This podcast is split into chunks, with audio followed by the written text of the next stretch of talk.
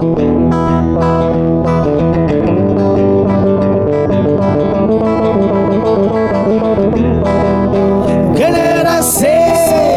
generasi Sumba Kita belajar bersama-sama Generasi, generasi Sumba Kita belajar bersama-sama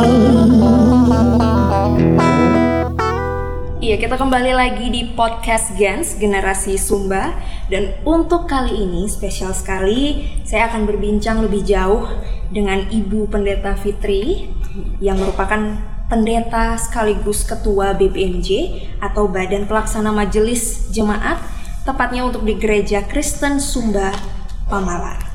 Halo Ibu Pendeta, Hai. apa kabar? Baik. Iya, terima kasih sudah meluangkan waktunya untuk berbagi cerita lebih jauh di podcast kami Gens untuk eh, berbagi inspirasi juga karena kami mendengar Gereja Kristen Sumba atau GKS Pamalar ini eh, selain beribadah juga memberikan banyak program pemberdayaan untuk masyarakat Sumba Tengah ya Bu Pendeta ya. Jadi eh, ada beberapa pemberdayaan melalui edukasi juga termasuk lokal karya dan bentuk-bentuk lain yang nanti pastinya Ibu Pendeta akan menjelaskan lebih jauh. Mungkin eh, sedari awal ini Ibu bisa cerita sebenarnya kegiatan apa saja dan program-program apa saja yang dimiliki oleh Gereja Kristen Sumba Pemalar. Iya. Terima kasih Dewi. Nah, pertama-tama terima kasih juga sudah bersedia mengunjungi kami di sini. Kami menerima dengan baik sekali dan ya kami akan coba untuk bercerita beberapa hal yang uh, sudah dilakukan walau juga harus diakui belum maksimal. Tapi uh, sudah kami upayakan dan kami mulai dari tahun 2016. Jadi gereja ini uh, berdiri sendiri tahun 2016 dan ibadah-ibadah itu juga berjalan seperti sebagaimana harusnya, ya ibadah minggu, komisi-komisi baik komisi anak, remaja, pemuda, komisi perempuan, komisi bapak itu juga berjalan sesuai dengan porsinya masing-masing. Hal yang paling sering dilakukan setiap minggu itu ada PA. PA itu pemahaman Alkitab masing-masing komisi. Yang cukup menarik itu di komisi Bapak. Ah, walaupun secara kuantitas justru kaum Bapak ini jarang sekali beribadah. Tapi ah, yang menarik setiap kali PA di rumah salah satu ah, Bapak itu mereka bawa anakan, anakan pohon. Oke. Jadi sebelum mulai ibadah, mereka tanam pohon dulu begitu Menarik. kan? Iya, tadi saya lupa. Jadi mereka tanam pohon eh, entah itu kelapa atau apalah itu sehingga kayak satu kali pelayanan firman diberitakan ya lingkungan juga mereka mereka jangkau begitu. Iya. Komisi perempuan eh, tahun kemarin dalam klasis kami sempat melakukan ibadah hari anti kekerasan terhadap perempuan dan kemudian itu dilakukan juga satu Sumba Tengah. Nah di situ isu-isu perempuan juga kami angkat salah satunya tentang kawin tangkap. Nah itu uh, sebenarnya diinisiasi oleh uh, klasis kami ini begitu. Dan sudah sempat juga ketua DPR uh, apa ya mengeluarkan statement bahwa masalah kawin tangkap ini akan berusaha mereka buat dalam sebuah regulasi perda Oke. Nah, supaya tidak ada lagi terjadi seperti itu. Gitu. Komisi Pemuda berjalan dengan peran mereka masing-masing dan sungguh kalau dibilang pemuda itu tulang punggung jemaat ya sangat kami rasakan sekali di sini. Mulai dari dekorasi dalam ruangan, dekorasi luar ruangan itu semua karyanya pemuda. Selain ibadah. Nah, itu juga uh, pot bunga dari bambu, uh, lampion-lampion dari bambu itu semua hasil karya pemuda. Iya. Kami sengaja tidak bikin pagar tembok yang permanen di depan karena menurut kami itu akan mematikan kreativitas mereka.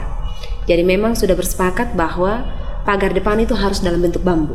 Oke. Sehingga kapan saja mereka ber- mau berkreasi itu apa ya wadahnya tersedia begitu. Sampai dipikirkan seperti Ya, itu. sampai seperti itu. Jadi mempersiapkan juga wadah Iya. untuk mereka berkreativitas. Benar. Oke. Iya. Itu gapuranya itu eh, mereka sendiri yang rancang, mereka yang buat. Wow, Iya. menarik ya. Uh, sempat juga bersih tegang dengan jemaat. Mhm. Uh, bagi mereka daripada kita bongkar pasang bongkar pasang, kenapa tidak lebih baik kita buatkan uh, tembok permanen begitu pagar keliling maksudnya Oke. toh. Mhm, mhm. Jadi eh, saya bilang bagus saja sebenarnya pagar tidak ada yang salah dengan pagar tembok. Hanya kok rasa-rasanya itu apa ya mematikan kreativitas anak-anak muda ini. Apalagi kita ini sumber bambu di sini. Kenapa tidak kita pakai kekayaan alam kita untuk hal-hal seperti itu? Begitu. Wow, Iya. menarik ya. iya. Jadi ada banyak hal yang sebenarnya bisa digali potensinya benar. dari SDM-nya sendiri dan sumber daya alamnya. Iya, Oke. benar. Mhm, mhm. Kami di sini dikelilingi oleh air. Oh, mhm. Mana? Jadi sungai, mata air ini di semua titik ada. Nah hanya itu, cara memanfaatkannya juga memang belum maksimal. Jadi kekayaan air ini ya seolah terbuang begitu saja. Itu yang memang harus diupayakan lebih lagi. Itu Komisi Pemuda, Komisi Remaja, selain uh, PA Remaja mereka punya program yang namanya PIKR, Pusat Informasi Konseling Remaja. Oke. Ya, uh, itu di situ membahas banyak hal terkait dengan isu-isu remaja. Entah itu kehamilan remaja, masa-masa pubertas, uh, seksualitas. Nah, itu kami coba untuk uh, memberikan informasi-informasi itu dalam uh, uh, apa ya kelompok-kelompok remaja itu. Tersendat-sendat juga jalannya. Ya, karena kita mau uh, lakukan materi-materi seperti itu kadang kehadiran lagi anjlok begitu kita tunggu lagi sampai anak-anak remaja itu uh, cukup siap terus kita sampaikan materinya Karena ini sebenarnya terkait sex education ya yang barangkali masih tabu. Iya, Pun sebenarnya di benar. beberapa kota besar Iya. masih tabu untuk berbicara tentang sex education. betul. Bagaimana kalau di sini sebenarnya hambatannya apakah saat ini progresnya sudah cukup baik mereka untuk lebih terbuka terhadap itu? Uh, awalnya juga tantangannya hampir sama Mhm. karena memang masih tabu. Mhm. bahkan mereka kayak ngeri gitu Iya. dengar pendetanya yang notabene-nya ngomong surgawi terus tiba-tiba bicara tentang hal-hal kayak gitu. Tapi pelan-pelan diberikan pemahaman. Kita menganggap ini tabu tapi kasusnya terus terjadi. Anak-anak remaja kita hamil. Lalu apa yang menjadi uh, tindakan kita begitu terus ke sini ke sininya sudah semakin baik. Saya senang sekali anak-anak remaja itu sangat terbuka masalah seksualitas ke uh, ke pendetanya. Entah itu uh, apa bahwa mereka sudah mendapatkan menstruasi terus kami diskusi cara mengganti pembalutnya seperti apa. Mereka sudah sangat sangat terbuka hal-hal seperti itu. Iya. Iya. Aduh, terus komisi anak-anak selain ibadah sekolah minggu, nanti di bagian sana Kak Dewi, kami rencananya akan bangun taman baca. Oh. Ya, kami sudah dapatkan bantuan dari pemerintah desa dan tahun ini dieksekusi. Jadi taman baca, terus kebetulan di area belakangnya itu kan pohon-pohon besar semua. Jadi kami berencana eh, ya kita pangkas pohon-pohon itu supaya nanti jadi tempat bermain yang yang baiklah untuk anak-anak itu.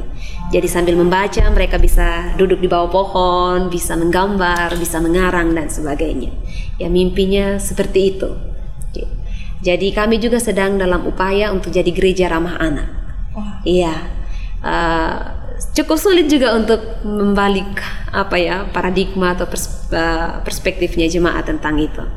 Karena kadang kalau di jemaat yang penting itu orang dewasanya, anak-anaknya itu nomor kesekian begitu. Kita coba untuk bahwa justru kita harus mempersiapkan anak-anaknya dari sekarang. Bagaimana Ibu Pendeta sebenarnya melihat eh, potensi lingkungan di sini baik untuk anak-anak? Apakah selama ini Ibu Pendeta justru merasa cemas terhadap itu Iya. sehingga sangat berupaya membangun dunia anak-anak di sini sebenarnya Iya. apa? Jujur saya saya memang punya apa ya punya Tidak apa-apa. Mhm.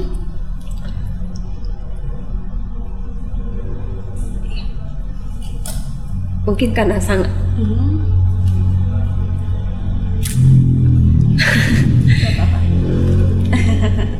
Minum dulu Ibu. Iya, iya. Silakan. ya mungkin justru karena sangat-sangat punya mimpi besar tentang mereka begitu ya jadi hampir kadang segala macam cara dilakukan begitu ya. Hanya untuk mempersiapkan anak-anak itu bisa. Karena konteksnya seperti itu Kak Dewi. Ya kami wilayah pedesaan dengan ya tingkat pendidikan orang tua juga yang sebagian besar buta huruf.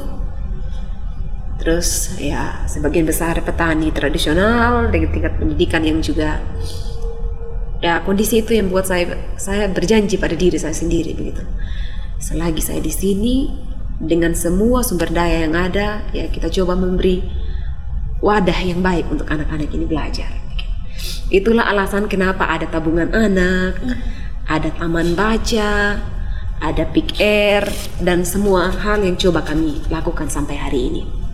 Karena saya sendiri melihat orang tua sepertinya belum mampu untuk sampai ke sana, begitu. Ya, mungkin pola pendidikan dari orang tua mereka, mereka warisi ke sini dan mereka mau warisi itu lagi ke anak-anak sekarang. Ya, saya lihat ini harus harus ya kita harus intervensi supaya masa depan anak-anak ini bisa untuk lebih baik lagi, begitu. Itu yang saya lihat tadi sehingga saya kalau bicara tentang anak, ya kebetulan di sini ada pengasuh sekolah minggu saya sangat-sangat itu betul-betul jadi apa ya keluar dari hati kayak gitu berharap saja. Dan sepertinya memang Tuhan dengan caranya sendiri ya ada begitu banyak orang yang dia kirimkan untuk meneguhkan saya bahwa perjuanganmu di sini itu ya direstui begitu. Dulu pernah dari GKI Pondok Indah Jakarta datang tanpa pernah kami bayangkan sebelumnya. Terus bikin kegiatan bersama di sini. Terus dari footprint yang lalu, terus dari Jogja dari mana-mana kirim kasih kami buku gratis dan ya bingung saja ini mereka kenal pemalar ini dari mana toh sebenarnya kayak gitu ya. Jadi ya pada akhirnya berpikir memang itu cara-caranya Tuhan untuk kalau mau mulai menyerah bahwa ini perjuangan terlalu berat untuk dilakukan, selalu ada orang yang datang untuk menguatkan dan menopang. Termasuk sekarang Dewi dan teman-teman, saya pikir itu salah satu bentuk topangannya Tuhan juga sih bahwa ya apa yang kami mulai di sini ternyata dilihat dan didukung oleh orang lain begitu. Ya. Aduh saya mewek kalau bicara tentang anak-anak. Iya, Tadi iya. menarik sebut uh, sempat disebutkan juga ada tabungan anak. Iya. Sebenarnya seperti apa Ibu Pendeta? Iya, uh, dengan latar belakang uh, anak-anak di sini, hmm. uh, Adewi hampir semua setelah lulus SMA itu pasti tidak punya kesempatan untuk melanjutkan dan alasan klasik adalah orang tua tidak punya biaya untuk itu. Jadi kami coba untuk menjembatani itu. Ya, mulai membuka tabungan anak dari akhir 2016. Ya, uh, efektifnya di 2017 kami uh, mulai dari anak yang baru lahir TK sampai SD kami betul-betul motivasi orang tuanya untuk mempersiapkan masa depan anak itu dari sekarang. Ya, saya selalu bilang bahwa anak itu anugerah jadi kalau anugerah itu tidak dipertanggungjawabkan, ya saya pikir pemilik anugerah juga itu akan akan marah mungkin ke kita sebagai orang tua. Jadi kami mulai itu dan puji Tuhan ke Dewi sekarang kami ada di titik 78 juta. Iya, angka yang fantastis untuk uh, jemaat pedesaan seperti kami. Jadi ada yang setiap bulan mungkin bisa setor 20 ribu. Ada yang karena keadaan ekonomi cukup baik bisa 100 dan sekarang kami sudah ada di titik itu. Kami bersyukur kemarin sudah uh, tiga orang anak yang mencairkan tabungannya untuk lanjut S1. Wow. Iya, itu luar biasa. luar biasa. Walau mungkin karena mereka kan kami baru mulai uh. di tahun 2017 itu, jadi angkanya juga belum terlalu fantastis, tapi minimal untuk biaya awal ya sudah tertangani lah. Untuk tiket dan lain sebagainya mereka bisa pakai dari dari uang tabungan itu melihat beberapa program yang ibu pendeta gagas ya mungkin terlepas dari orang tua atau bagaimana kalau dari personal anak-anaknya sendiri ya. menerima mereka harus menabung dan lain sebagainya itu seperti apa apakah wonderment atau rasa ingin tahu dan ketakjuban mereka biasanya anak kecil mudah ya. takjub terhadap hal ya. baru itu apakah masih bisa ibu pendeta lihat di anak-anak ya. Iya, saya lihat itu ada hmm. di anak-anak uh, pemalar ini. Hmm. Dan mungkin juga karena cara kami untuk masuk ke lingkungan anak-anak itu hmm. tidak lagi bahwa pendeta dalam segala wibawa dan kehormatan yang dia miliki terus menjaga jarak dengan ya. anak itu. Saya Kak Dewi hampir semua kegiatan anak saya bersama-sama dengan pengasuh. Jadi mulai melatih mereka menyanyi itu saya sendiri yang lakukan jadi sambil latihan menyanyi terus mulai dikasih uh, pemahaman sedikit demi sedikit. Kebetulan anak-anak itu hampir semuanya jatuh cinta ke saya. Ya, jadi melihat ibu pendetanya seperti melihat apa begitu. Jadi begitu mudah karena tadi yang Kak Dewi bilang, mereka sangat mudah takjub akan segala sesuatu. Jadi diminta latihan gitar, oke, diminta latihan nyanyi, datang gitu. Walaupun juga sebentar di tengah-tengah kesibukan yang lainnya juga kehadiran cukup drastis menurunnya, tapi juga cukup gampang untuk di uh, dimotivasi kembali. Ya, mereka dengan polosnya ya masih masih mudah untuk dibimbing, diarahkan gitu. Iya. Bicara tentang kreativitas, Iya. kira-kira ada program lain lagi yang sebenarnya ibu gunakan untuk menstimulus kreativitas mereka karena ini golden age saja. Iya, sebenarnya. Seperti apa? Kami punya uh, EcoBrick kalau di uh, jemaat ini. Dan di Januari 2020 sudah launching. Ya Yes. sih launching. Uh, di sidang majelis jemaat juga sudah disepakati sebagai program jemaat dan kemudian pada waktu ibadah remaja saat itu kami nonton video bareng tentang EcoBrick dan menjelaskan ke anak-anak itu kenapa kami tertarik untuk melakukan itu. Ekobrik itu adalah semacam batu bata yang Ya, dibuat tapi berbahan dasar eh, sampah plastik. sampah plastik ya Oke. benar. Mhm. Uh, saya punya videonya sebenarnya ketika anak-anak itu sudah masing-masing sudah pegang satu botol yang diisi dengan sampah, lalu mereka uh, tunjukkan dan berteriak ekobrik seperti itu.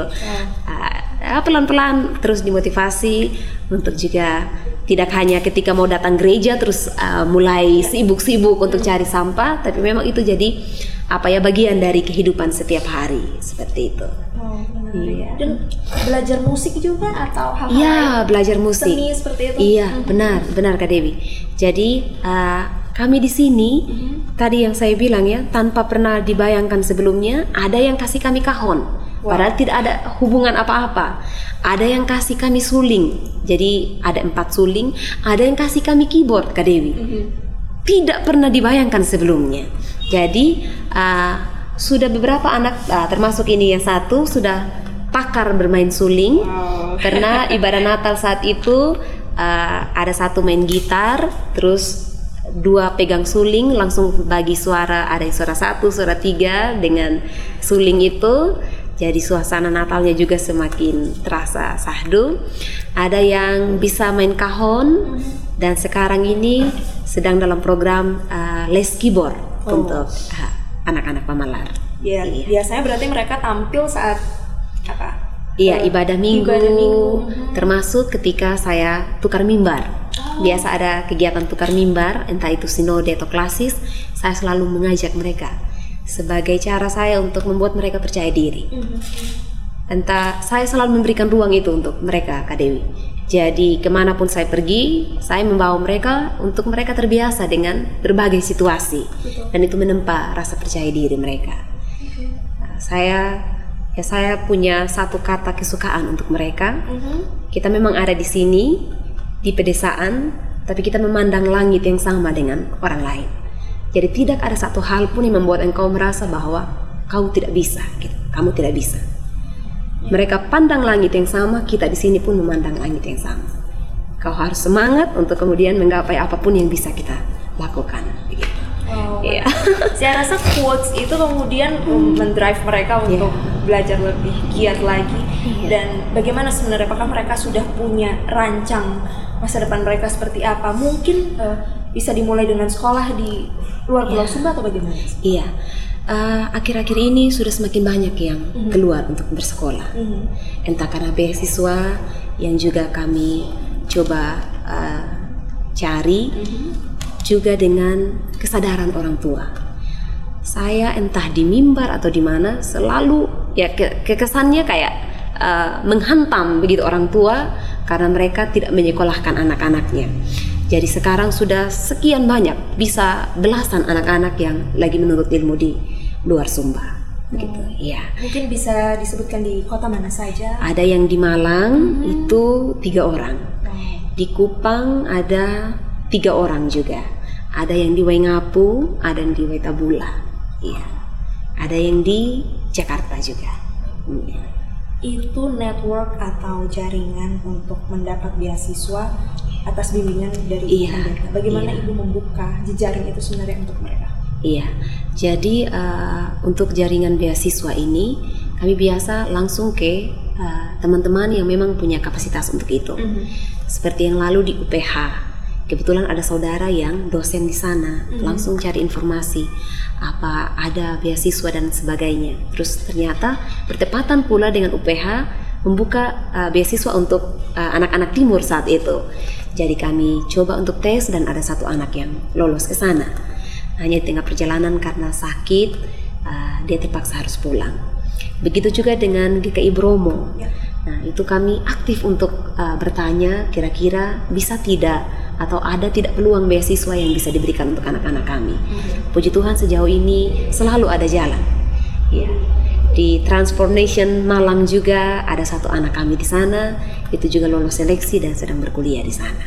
Oh, Iya. benar. Sebenarnya berarti beberapa institusi besar itu memberikan kuota untuk anak-anak sebenarnya. dari Indonesia Timur. Benar. Oke. Hanya sayangnya selama ini kami seolah-olah tidak tidak mendapatkan informasi itu. Apakah mungkin karena hanya menunggu ya? Nah, ternyata ketika kami aktif bertanya, ada begitu. Ada beberapa sumber yang sebenarnya menyediakan itu untuk anak-anak kami. Begitu ya. Dan apakah selama ini gitu kalau kita bicara tentang fungsi yang baik sekali dari media sosial Ya, membantu ibu pendeta untuk tetap berkomunikasi dengan teman-teman di luar sana yang barangkali bisa memberikan kesempatan itu seperti apa? Ya, sangat saya setuju dengan Kak Dewi. Media sosial punya peranan yang sangat-sangat baik untuk itu. Termasuk kegiatan taman baca kami nih Kak Dewi, tidak bisa kami pungkiri itu karena media sosial. Jadi begitu mulai posting satu anak baca buku, lalu mulai masuk komen-komen, "Eh butuh buku atau tidak?" dan sebagainya, terus dihubungkan dengan orang-orang yang juga punya ya concern yang sama dan mengalirlah bantuan-bantuan buku itu. Tanpa pernah kami tahu kenapa seperti itu, hanya karena media sosial. Begitu juga informasi-informasi beasiswa itu, kebanyakan juga di-share lewat media sosial. Jadi saya harus akui itu sangat-sangat membantu kami di sini. Jadi memang harus kita yang mendrive Iya. media sosial itu untuk apa? Iya, Terbukti benar. memang sampai di sini pun media sosial sangat. Sangat membantu ya. Benar, itu jadi uh, sisi baik sebenarnya dari akselerasi Iya. teknologi Benar, ya. benar sepakat Dewi. Iya. Dan bicara tentang kreativitas lainnya, ini juga sudah menyentuh sebenarnya ranah ekonomi kreatif ya, ya, untuk memberdayakan mereka. Iya. Seperti apa itu? Iya, jadi seperti yang tadi juga sudah sempat saya singgung tentang uh, pembuatan pot atau vas bunga dari bambu. Saya tidak pernah membayangkan sebelumnya ketika jadi pendeta di sini bahwa anak-anak itu punya bakat alami seperti itu. Nah, ketika Natal, tiba-tiba saja mereka punya uh, kreativitas untuk ibu pendeta kita buat pot dari bambu. Loh, kalian bisa gitu. Bisa ibu, tapi memang masih kasar-kasar katanya. Coba, coba, coba. Terus ditemani mereka mulai dari apa ya uh, penyiapan bahan-bahan bakunya sampai mereka cari tali hutan itu langsung di hutan. Ah, dan mereka mulai berkreativitas di situ. Kami posting di Facebook dan dapat banyak sekali peminat. Hampir tidak terlayani semuanya saat itu. Karena gereja-gereja langsung pesan, ada yang pesan dua, ada yang pesan empat, dan sebagainya. Kami kewalahan. Sehingga bahkan Pak Malar juga malah tidak dapat bagian begitu. Nah setelah itu off mereka karena kesibukan di sawah. Anak-anak di sini juga petani ulung. Jadi kemarin kami sudah sempat uh, ngumpul lagi dan kami bertekad tahun ini harus mulai uh, program itu. Mereka sangat terampil untuk membuat uh, vas bunga dari bambu, lampion-lampion lampu itu dari dari bambu, bahkan juga ini anyaman plafon dari bambu juga. Menarik ya. Iya, Melihat desainnya juga sebenarnya itu bisa dipropos di Iya. beberapa sayembara di kota besar sebenarnya karena membuka juga beberapa eh, desain juga untuk yang terbuat dari bambu terutama bahan-bahan yang memang ramah lingkungan seperti Iya. itu. Saya rasa ini potensi juga ya Benar, dari teman-teman di Pemalar ini ya. iya, iya Kak. Dewi. Mhm. Hanya masalahnya itu tadi karena mereka ya belajarnya otodidak, Mhm, betul. melihat saja terus kemudian muncul uh, kreativitas itu. Saya membayangkan jika saja mereka dilatih lebih lagi ya bersama dengan orang-orang yang memang uh, profesional di bidang itu, saya percaya mereka bisa lebih lagi dari ini. Bakat alam mereka sangat luar biasa. Ya, saya memang sedang bergumul dan oh puji Tuhan Kak Dewi, uh, kami sekarang punya kerjasama dengan Rumah Intaran. Oh. Ya, dalam komunikasi lewat media sosial juga, kami diberi satu kuota, satu anak untuk uh, belajar bersama mereka di Rumah Intaran. Saya hampir menangis saat itu untuk ketika Pak Gedenya uh, apa ya balas uh, WA dan mengatakan kami siap untuk menerima satu orang yang serius mau belajar dengan kami. Kami sudah siapkan anaknya, mungkin akhir Februari akan berangkat dan itu total disupport oleh gereja. Nah, iya. Rumah Intaran sendiri adalah satu rumah belajar juga ya hmm. mengenai lingkungan yang berada di Bali hmm. dan sudah ada kuota yang dipegang oleh dari Gereja Kristen Sumba Pamalar yeah. ini anak didiknya pastinya nanti sepulang dari situ akan membawa insight baru yeah. untuk teman-teman di sini ketika mereka sebenarnya sudah memulai ya yeah, uh, beberapa aktivitas atau hmm. kebiasaan untuk mengurangi plastik misalnya yeah. seperti apa Ibu Pendeta? Benar uh, kami di sini Kak Dewi sudah tiga tahun mm -hmm. setiap kali ke, uh, kegiatan gerejawi sebesar apa pun itu tidak pernah lagi menggunakan air kemasan. Mm. Kami masak sendiri lalu kemudian minum pakai gelas-gelas. Uh, selain itu kami juga sedang ini ya, ya walaupun masih dalam tahap uh, sosialisasi ke jemaat yeah. supaya menanam pohon pisang sebanyak-banyaknya. Uh, selain batangnya bisa untuk ternak, terus buahnya bisa untuk makan, daunnya itu kami pikir sangat-sangat mungkin untuk menjawab isu lingkungan seperti hari ini. Mm-hmm. Jadi uh, ketika nanti tempe, tahu dan bahan-bahan yang lainnya yang selama ini dibungkus dengan plastik, Pamalar misalnya punya kebun pisang yang cukup, kenapa tidak kami jadi penyedia daun pisang untuk uh, pengganti plastik-plastik itu? Mm-hmm. Begitu. Ya itu sedang dibicarakan. Terkait lahan apakah masih banyak sebenarnya? Sangat. Oke. Okay karena uh, jemaat pemalar ini justru adalah tuan tanah. Wow. Iya, hampir semua mereka punya lahan yang sangat-sangat. Jadi mereka besar. harus sadar mereka punya Sebenarnya. itu dan memberdayakan lahan ya. mereka sendiri. Iya. Mm-hmm. Sebenarnya. Oke. Okay. Dan saya dengar juga ada kebun kopi ya iya, yang juga diupayakan. Itu seperti apa cerita Ibu? Iya. Jadi uh, kebun kopi di Jemaat Pemalar ini bagian dari pemberdayaan ekonomi jemaat juga. Mm -hmm. Dalam kerjasama dengan Dinas Pertanian Sumba Tengah, mm -hmm. kami mendapat bantuan anakan kopi sebanyak 10.000 anakan. Wow. Ya. Jadi kami bagi itu dalam uh, lahan contoh jemaat itu 2 hektar uh -huh. dan 8 hektarnya itu ada di uh, kebun-kebun jemaat. Gitu. Iya. Kami sudah uh, mulai menanam kopi di tanggal 13 Desember yang lalu dan kemarin terakhir kami cek pertumbuhannya sangat luar biasa. Kebetulan juga struktur tanah di Pemalar ini ternyata sangat cocok untuk kopi. Iya. Jadi uh, berharap sekali tahun-tahun ke depan ya, usaha ini juga bisa berjalan dengan baik dan jadi sumber penghasilan lah untuk jemaat di tempat ini. Oh, begitu. Ya. Melihat dan mendengar begitu banyak ada program sebenarnya sedang diupayakan oleh Ibu Pendeta dan ini sebenarnya berbentuk badan pelaksana majelis jemaat. Iya. Mungkin bisa diceritakan juga siapa saja yang membantu ibu pendeta untuk melayani jemaat di sini bidang-bidang oh, iya. apa saja? Iya, baik uh, Kak Dewi kalau di jemaat Pemalar untuk melayani 667 jiwa, wow. kami punya 19 orang majelis jemaat. Mm -hmm. 19 orang majelis jemaat, ada satu guru Injil dan satu pendeta. Selain itu ada terbagi di bidang-bidang. Program-programnya itu ada dalam bidang-bidang, ada namanya bidang pembinaan dan pelatihan. Segala hal terkait ibadah, terkait pelatihan-pelatihan itu di cover oleh bidang ini. Lalu ada bidang kesaksian dan pelayanan.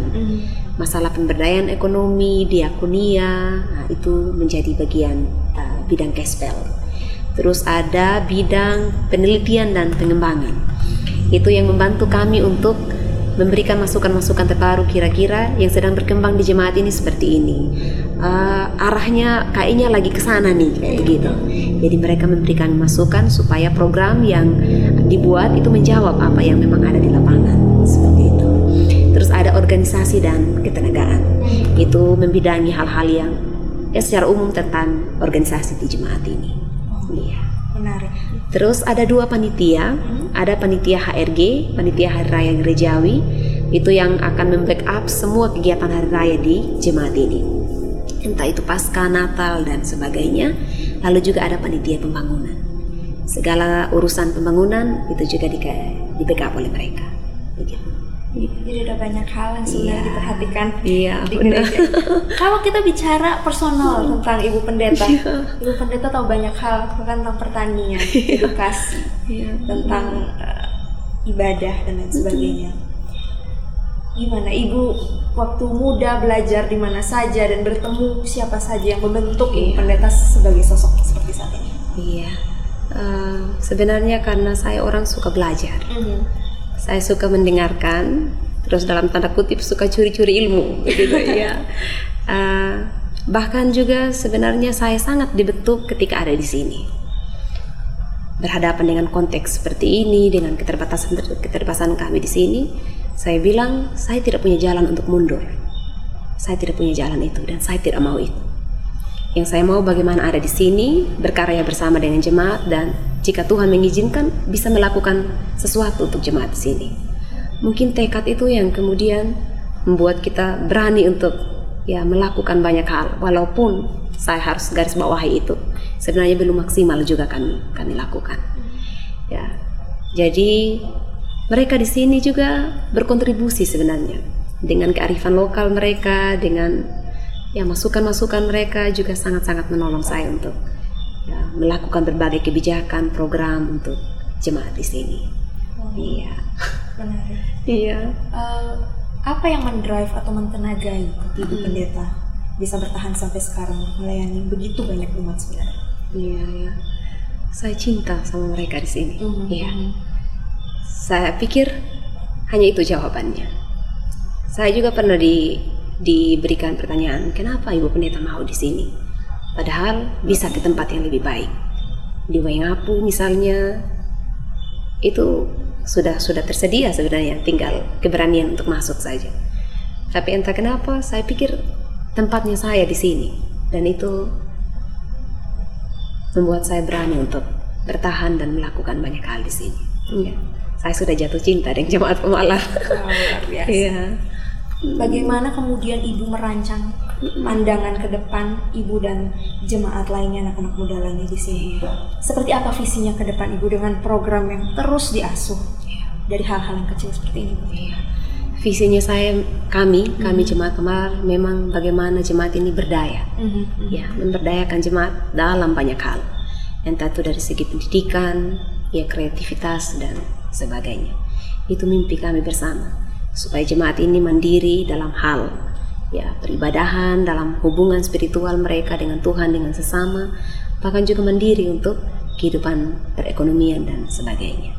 Yaitu mimpi besar kami ya yang kami juga tidak tahu bisa terjawab dalam berapa tahun ke depan. Tapi tetap yakin saling menopang satu dengan yang lain bahwa mimpi itu pasti bisa kami kami gapai. Saya juga selalu bilang ke jemaat supaya pelayanan ini pada akhirnya nanti dia akan jadi sebuah perayaan. Hmm. Pelayanan selalu di apa ya dikonsepkan sebagai sesuatu yang mengikat lalu kemudian menggiring orang pada keterpaksaan. Gitu. Kami mau meramu segala sesuatu sampai pada akhirnya nanti jemaat merasa pelayanan adalah perayaan. Sehingga dia akan lakukan itu dengan bersuka cita. Perayaan kan selalu identik dengan sukacita. Jadi ketika pelayanan identik dengan perayaan, tidak ada satupun yang tidak akan bersuka cita. Gitu. Itu itu harapan kami. Iya. Dan untuk bisa terus eh, berjuang dengan segala program, apakah upaya kolaborasi juga ibu upayakan mungkin dengan stakeholder, pemerintah dan lain seperti apa? Iya. Eh, itu sangat sangat jadi concern saya. Jadi menyadari sungguh bahwa kami terbatas banyak hal di sini. Tapi itu tidak jadi alasan untuk diam, gitu. karena kami terbatas misalnya di sisi A. Ada orang-orang yang punya kemampuan untuk itu. Jadi membangun jaringan juga jadi salah satu uh, apa ya uh, tekad saya, sehingga dengan pemerintah, dengan gereja-gereja yang lainnya, bahkan juga sampai gereja-gereja di luar Sumba, itu kami terus membangun hubungan sampai dengan saat ini. Iya. Adakah program yang sebenarnya sudah ada di pikiran ibu pendeta yang barangkali belum bisa direalisasikan? Ah, itu terkait dengan ekonomi kreatif saja sebenarnya. Macam ah, bambu tadi, anyam-anyaman, itu jemaat kami di sini punya keterampilan itu. Hanya saya pun belum menemukan apa ya cara atau metode yang tepat supaya mereka juga dengan sepenuh hati melakukan itu, begitu. Jadi ya sudah, mereka menganyam ya karena mereka butuh hari itu begitu. Mereka buat hanya untuk kepentingan dalam keluarga atau dalam jemaat saja. Tapi belum bisa menjadi sesuatu yang bernilai lebih. Dan saya sangat rindu itu. Kalau saya bisa, kami kami bisa menjamin saja misalnya bahwa keterampilan ini akan ada nilainya, saya pikir mereka akan berlomba-lomba untuk melakukan itu. Itu yang masih ada di pikiran saya dan belum sempat, belum belum terrealisasi sampai sekarang ini. Saya secara pribadi, Kak Dewi, kayak dalam tanda kutip getol sekali untuk mempromosikan karya dari jemaat sini. Ada saja sesuatu yang mereka lakukan dengan senang hati saya posting ke Facebook. Sampai terakhir kemarin uh, kepiting di kali itu kalau di sini istilahnya karagi, mm-hmm. itu sebenarnya sudah tidak bisa diapa-apain lagi. Setelah mereka tangkap, masak untuk kepentingan uh, keluarga itu. Tapi saya coba kasih sudut pandang baru. Bagaimana kalau sebagian besarnya kita jual? Jadilah kami jual sambal karagi. Dan Kak Dewi satu hari itu jemaat dapat keuntungan 750 ribu. Wow. Hanya satu orang loh, hanya satu orang. Jadi dengan segala macam cara lah kita kita buat jemaat ini merasa bahwa selalu ada jalan sebenarnya. Hanya kadang tidak tidak terpikirkan sampai ke sana. Jadi sekarang saya tantang lagi mereka. Mereka bisa untuk kari kepiting. Hmm. Ada yang hebat sekali buat itu. Nanti kalau ada lagi kepiting, kita buatkan lagi. Ada yang sambal, ada yang kari, terus kita jual lagi. Dan mereka sekarang sedang bersemangat menanti banjir karena hanya banjir yang akan membawa kepiting-kepiting oh. itu datang ke sini.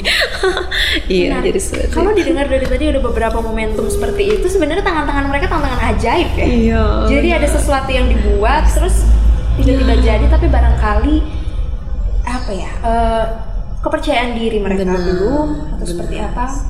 Bagaimana sebenarnya ibu berjuang selama ini ibu untuk meyakinkan bahwa mereka itu bisa? Iya saya berpikir Kak Dewi, sepertinya pola pan, uh, pola pikir tradisional itu yang masih ada di sini. Hmm.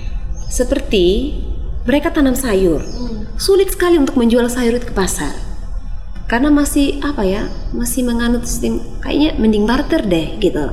Terus bawa sayur ke rumah yang satu, nanti yang satu mungkin punya gula satu kilo terus dikasih. Masih masih dalam pola-pola seperti itu. Dan itu yang harus didobrak hanya satu atau dua orang sepertinya dari jemaat ini yang dengan dengan rela begitu ya membawa hasil buminya itu untuk dijual ke pasar. Biasanya sistemnya tidak seperti itu. Cukup misalnya satu ikat sayur, dua ikut sayur dibawa ke rumah A begitu. Nanti dari rumah A mungkin satu kilo beras atau dua kilo beras terus. Seperti itu. Kayak apa ya? Sistem kekeluargaan yang terlalu kental yang membuat mereka tidak berani memberi nilai pada barang yang mereka bawa itu. Berapa ini? Eh, terserah saja ibu. Eh, kita tidak datang jual ini ya. Itu, itu logat sumbanya seperti itu. Jadi memang uh, mau langsung didobrak pemahaman itu juga keliru. Ya. Karena sesungguhnya dia punya nilai-nilai positif yang sangat sangat baik. Mereka harus ya, harga. Ya, benar. Hmm. Sehingga pelan-pelan sekali cara giringnya supaya mereka paham ada apa ya? Ada potensi di wilayah mereka yang Tuhan beri yang sebenarnya bisa dipakai untuk meningkatkan ekonomi mereka. Salah satunya belut, Kak Dewi. Belut itu sangat banyak di Pemalar. Tetapi tetap hanya untuk kebutuhan dapur dan ya sudah antar ke ibu pendeta, antar ke si A, si B dan sebagainya. Jadi pernah waktu tahun lalu kan eh dua tahun lalu kami bikin belut asap. Oh, belut asap dari pemalar. Itu hampir juta kami dapat. Mereka ih kok bisa bernilai sampai jutaan begitu. Tapi juga masih belum belum bisa keluar dari situ. Jadi memang harus pelan-pelan untuk hal-hal yang sensitif seperti itu. Mereka kayak tidak mau di apa ya di ibaratkan kayak pedagang seperti itu penjual kayaknya anti sekali dengan hal kayak gitu.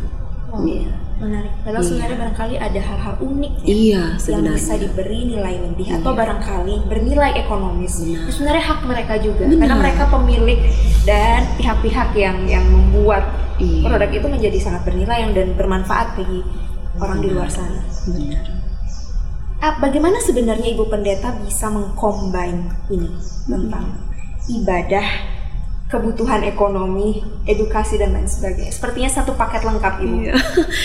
ya mungkin karena prinsip kami Kak Dewi ibadah itu bukan dalam gedung gereja. Mhm. Ya.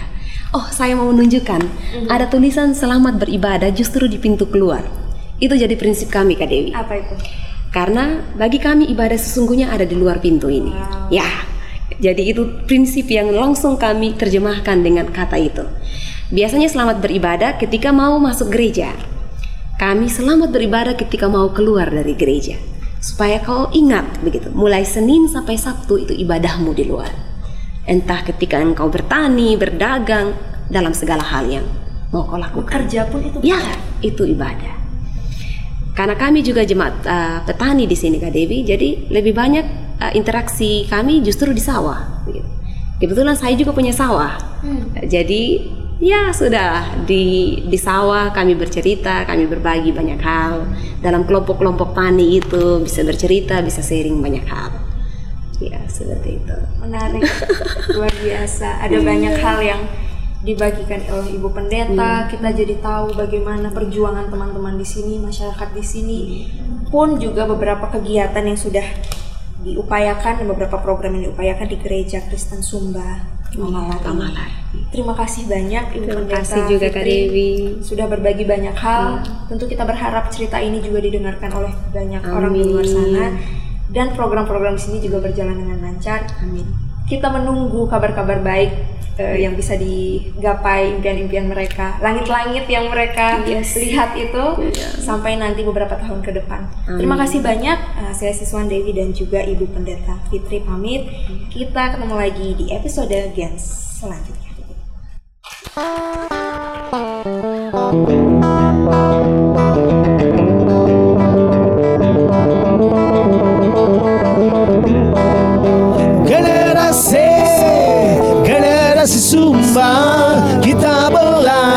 Bersama-sama. Generasi, generasi Sumba. Kita belajar bersama-sama